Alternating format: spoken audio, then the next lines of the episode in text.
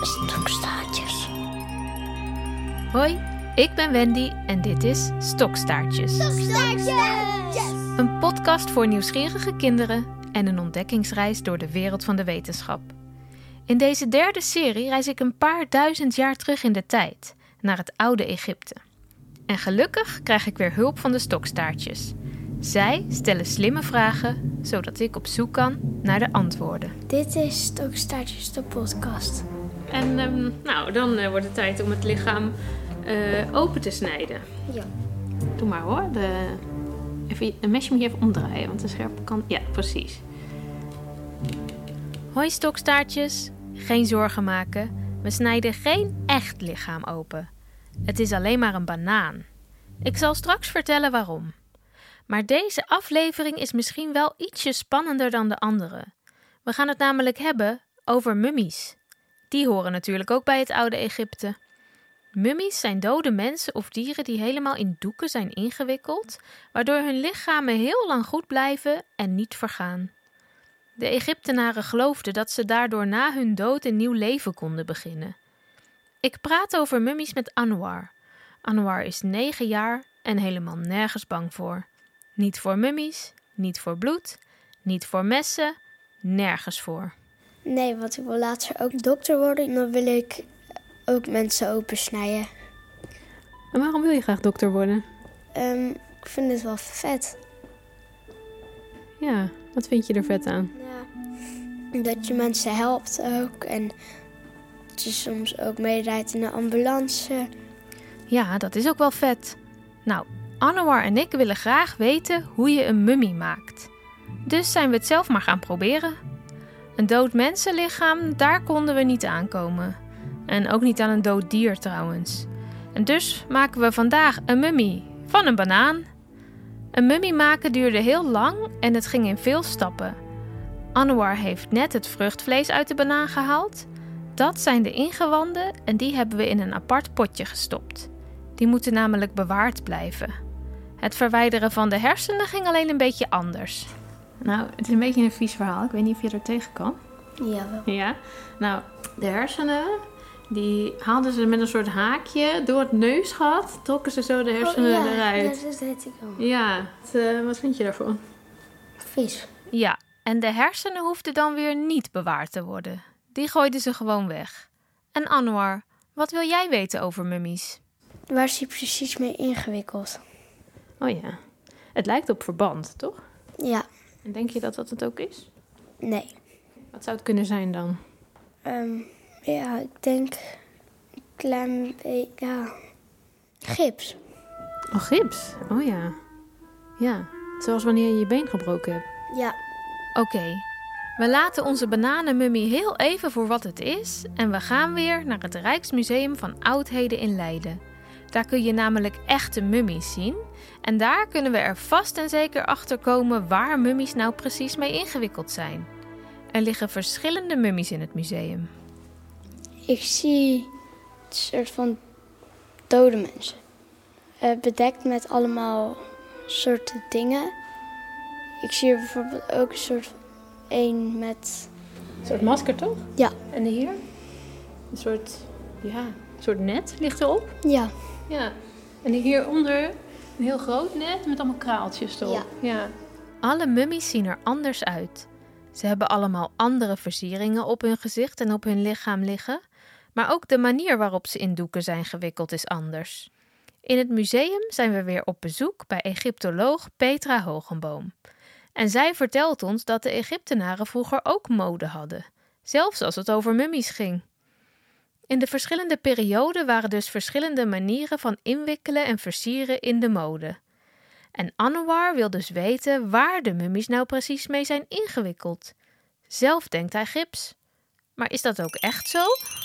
Echt een hele leuke vraag. Eh, ik hoor heel vaak van kinderen dat ze denken dat wc-papier is. Nou, dat, dat is natuurlijk niet zo. Eh, het is van linnen, dus een soort stof. En daar maken ze hele lange repen mee. En die pakken ze heel erg in. En dan beginnen ze eerst met de vingers en de tenen en de armen en de benen. En dan eigenlijk helemaal het pakket rond. Waardoor je dus die hele dichte mummipakketten krijgt die je hier ziet. Oh ja, en hoeveel meter heb je dan nodig? Nou, eh, ik geloof dat de, zeg maar, de dikste mummiepakket dat wij hebben is een paar honderd meter. Er is wel heel veel verband voor nodig, zeg maar. Wauw, met zo'n lange strook linnen kun je wel een heel voetbalveld rond. Gelukkig is onze banaan niet zo groot en hebben we genoeg aan een klein rolletje verband. Lijkt het al een beetje op een mummie? Nee. Nee, het is gewoon een dichtgenaaide banaan. doek omheen. Ja, verband hè?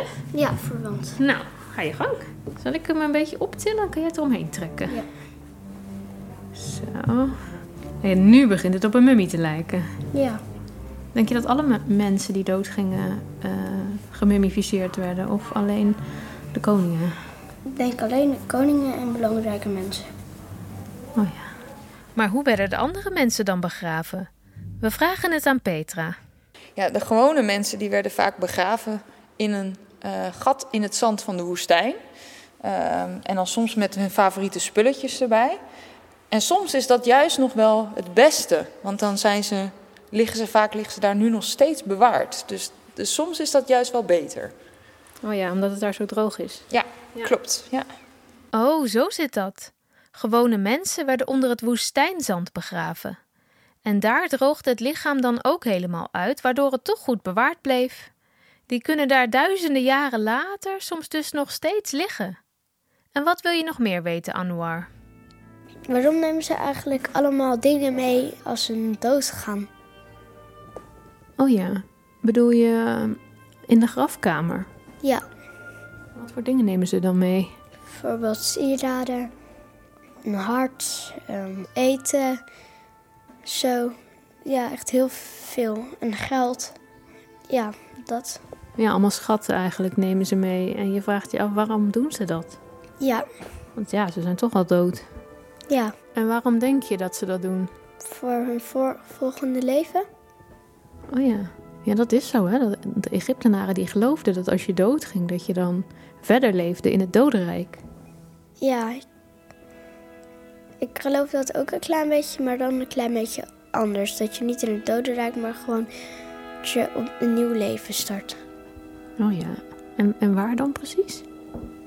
Ehm, gewoon op de wereld. Op de aarde. Dan word je dan geboren als iemand anders. Ja, Dus je hebt eigenlijk meerdere levens als mens. Ja. Wat een mooi idee. Maar we willen nu dus weten waarom de oude Egyptenaren zoveel spullen meenamen in hun graf. Petra, waarom deden ze dat eigenlijk? Ja, nee, ze nemen echt heel veel spullen mee. Ehm, en dat heeft alles te maken met dat dit leven is maar heel kort. En het leven hierna, dat duurt tot in de eeuwigheid. Dus daar heb je al je spullen voor nodig. Dus je nam spullen mee om ervoor te zorgen dat je kon eten en drinken. Maar ook dat je het een beetje leuk had. Dus bijvoorbeeld speelgoed en muziekinstrumenten. Ehm, maar ook ja, eh, amuletten om je te beschermen. Kleding om te kunnen dragen. Je- Je kan het allemaal bedenken, ze namen het allemaal mee. Ja, dat dachten wij al. Die spullen waren bedoeld voor het leven in het dodenrijk. Maar we vragen ons nu ineens iets anders af over het dodenrijk. hoe zag het dodenrijk van de Egypte er eigenlijk uit? Ja, het dodenrijk zag er eigenlijk hetzelfde uit als het, eh, het rijk hier en nu, het oude Egypte. Alleen heel veel mooier. Dus alle, alle planten groeiden twee keer zo hoog en twee keer zo mooi. Het was er altijd zonnig, je had genoeg te eten. Het was echt een soort paradijs. Maar wel een paradijs wat heel erg veel leek op de wereld die je kende. Dus het was er gewoon heel fijn en herkenbaar. En hoe weet je dat? Hebben ze dat getekend? Ja, ze hebben het voor een stukje getekend, eh, maar ook wel opgeschreven. Dus we hebben eh, teksten, die noemen we bijvoorbeeld dodenboeken. Ehm, en daarin omschrijven ze dus eh, eh, het eh, land van de rietvelden, zoals ze dat dan in het Egyptisch noemen. Met ook tekeningen erbij van wat je daar zou kunnen aantreffen.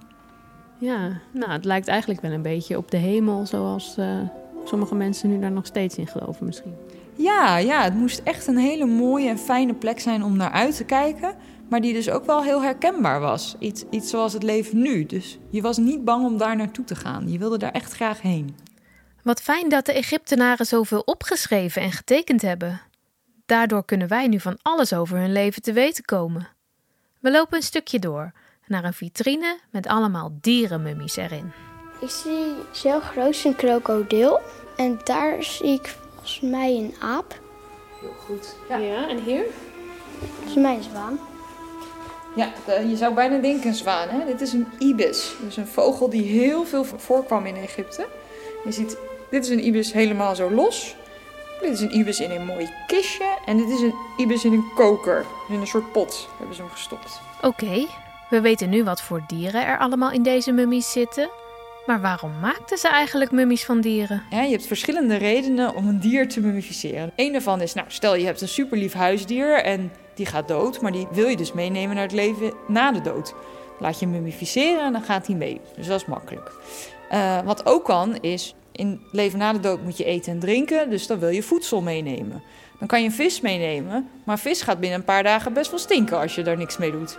Dus dan kon je mummificeren en dan met magie had je dan toch tot in de eeuwigheid vis te eten. En de laatste reden, en dat is eigenlijk de meest voorname reden, is omdat het verbonden was aan een bepaalde god. En dat zijn de meeste die je hier ziet. Dus de krokodil en de valk en de ibis, maar ook bijvoorbeeld de, de kat wel. Die uh, kun je allemaal koppelen aan een bepaalde god. En om die god te eren kon je dus een dier van die god mummificeren en hem of haar cadeau doen. Dus dan bracht je het naar de tempel als een cadeau. In de vitrine ligt ook een gigantische krokodillenmummie. Hij is echt heel erg groot. Petra vertelt ons dat deze krokodil een geheim met zich meedraagt. En om te laten zien wat dat is, laat ze ons een filmpje op haar computer zien. Die krokodil hebben we onderzocht en toen zijn we ergens achter gekomen. Namelijk dat als je goed gaat kijken. Het lijkt nog een beetje uitgepakt wordt. Ja, dus we gaan hem nu digitaal uitpakken. Dus dan hoeven we dat niet te doen in het echt. Want als je hem in het echt uitpakt, ja, maar dan maak je hem kapot. Dus dat doen we niet. Hij is een skelet. Ja, het is een skelet. Oh, twee. hey. het zijn er twee. Dat is een mooie verrassing. Wij zijn dus gewoon gefopt door die Egyptenaren. Er zit helemaal niet één hele grote in. Er zitten er twee in. Maar toen gingen we nog een keertje beter kijken. En toen zagen we dat er om die twee grote zat nog iets. Maar als je goed gaat kijken, hier kan je het heel mooi zien. Allemaal hele kleine lichaampjes. Kan je het een beetje zien, Anna, wat het is? Kleine krokodillen. Ja, kleine krokodillen. Er zitten hier bijna 45 babykrokodilletjes omheen. Dus we hebben een grote krokodil, een iets kleinere en allemaal hele kleine. Waarschijnlijk vader, moeder en alle kinderen. Als een soort familie zo samen. Maar ze laten het lijken alsof het één hele grote is. Nou, dat is het geheim van onze krokodil. Ja. Gek hè? Ja. hey, hoe denk je dat we daar nou achter zijn? Dat we dit hebben gemaakt? Hoe kan je nou aan de binnenkant kijken?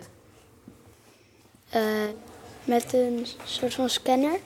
Heel goed. Oh, een CT-scanner. Uit het ziekenhuis. Een rond ding. En daar word je ingestopt. En dan kan je zien wat je hebt gebroken. Ja, dus wat wij hebben gedaan is... wij hebben al onze mummies, dus ook de krokodil... die hebben we naar het ziekenhuis gestuurd. En uh, dan wordt er een scan gemaakt...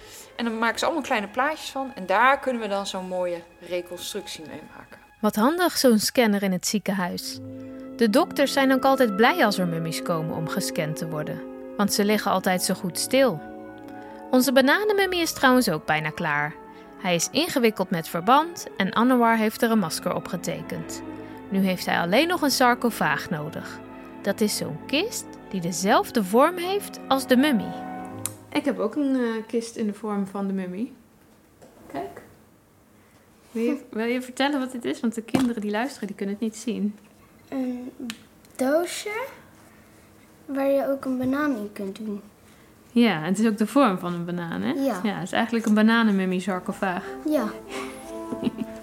Dit was aflevering 3 van onze serie over het oude Egypte. Volgende keer praat ik met Mia en Marin en gaan we een echt oud Egyptisch recept maken. Dat wel lekker, hè? Ja, het voelt echt precies zoals ik zou denken dat het zou voelen. Ja. Ben je benieuwd wat we gaan maken? Luister dan volgende keer weer naar Stokstaartjes.